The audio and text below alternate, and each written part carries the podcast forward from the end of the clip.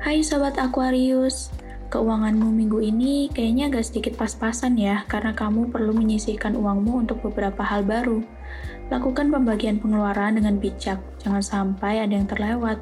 Utamakan hal-hal yang penting terlebih dahulu ya.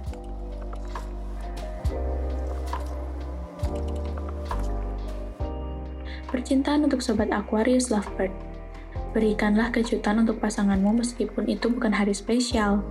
Dengan begitu, dia akan lebih merasa dicintai dan diperhatikan olehmu, terlebih jika kamu adalah orang yang sangat sibuk.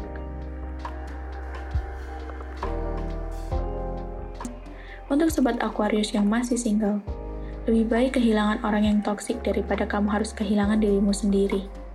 Aku punya quotes buat kalian. Don't cry over someone who wouldn't cry over you.